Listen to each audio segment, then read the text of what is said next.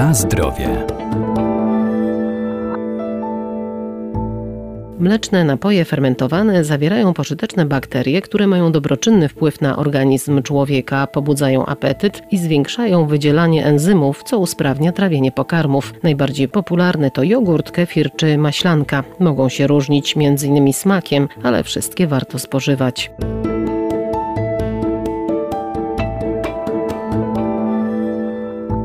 Kefir jest zaliczany do produktów mleczarskich o najwyższych właściwościach odżywczych. Maślanka to niskotłuszczowy produkt uboczny wyrobu masła o śmietankowo-orzechowym smaku, zaś jogurt zawiera żywe kultury bakterii jogurtowych. W kefirze znajdują się tak zwane grzybki kefirowe. Również można spotkać takie ziarna kefirowe z gatunku Lactobacillus kefiry, czy Leukonostoc, Acetobacter, czy na przykład Cluiveromyces marxianus. To są takie ciężkie nazwy, ale to są e, naprawdę pozytywne bakterie i nie stworzą nam żadnego zagrożenia. Doktor habilitowany Bartosz Słowiej, profesor uczelni Uniwersytet Przyrodniczy w Lublinie. W kefirze trzeba jeszcze wiedzieć, że kefir zawiera śladowe ilości alkoholu także do mniej więcej 0,8% w zależności od kefiru, także zbyt duże spożycie, znaczy bardzo duże, zależy ile kto wypije, no może nie być dobre, jeżeli prowadzimy samochód, ale, ale bez przesady myślę, że w tych kefirach ogólnodostępnych z tym nie ma większego problemu, ale trzeba o tym pamiętać. Część ludzi wybiera maślankę. Maślanka jest to też produkt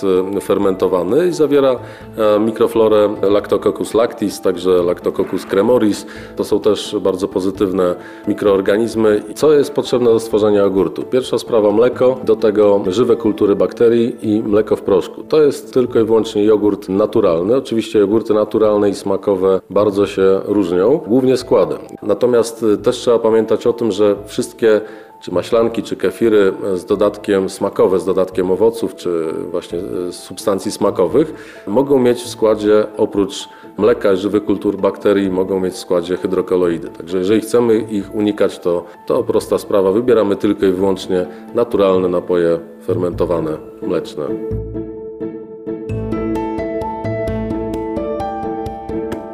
Na zdrowie.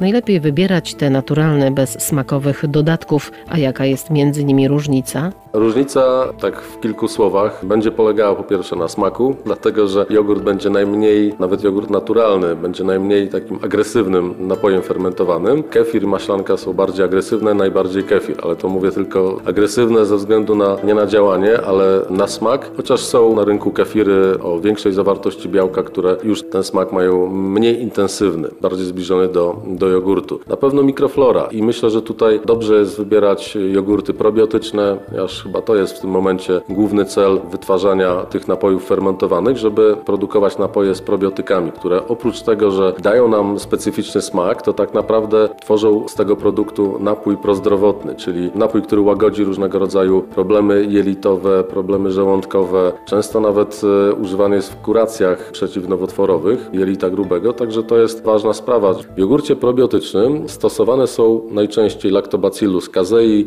Lactobacillus acidophilus, Bifidobacterium bifidum, ale to muszą być e, specjalne szczepy bakterii. Oczywiście probiotykiem może być tylko i wyłącznie bakteria, która przetrwa nasze ciężkie warunki panujące w żołądku, czyli różnego rodzaju kwasy żołądkowe, niskie pH i tak. Spożycie zwykłego jogurtu niestety na długo nam nie wystarczy, dlatego że ta mikroflora nie przetrwa tych ciężkich warunków. Zanim dostanie się do jelita, to często te bakterie już po prostu nie przeżywają. Natomiast probiotyk ma za zadanie dostać się do żołądka, tam osiedlać się i walczyć z patogenami, krótko mówiąc, czyli z tymi złymi bakteriami, które nas atakują i ma działać e, prozdrowotnie. Wszystkie napoje fermentowane uważam, że oczywiście nie można ich postawić na równi, ale powinny być spożywane przez nas. Oczywiście nie codziennie, nie kilka razy dziennie, bo produkty spożywane w moderacjach, czyli tutaj tak naprawdę nie powinniśmy spożywać cały czas tej samej gamy produktu codziennie, bo możemy też doprowadzić do nadwrażliwości naszego żołądka, także może być tutaj tego typu problem. Natomiast 2-3 razy w tygodniu nikomu nie zaszkodzi napój fermentowany.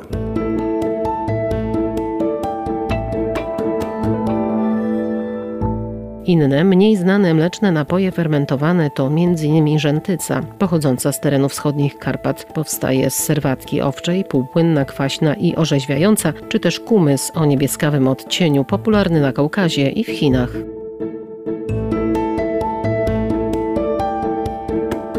Na zdrowie.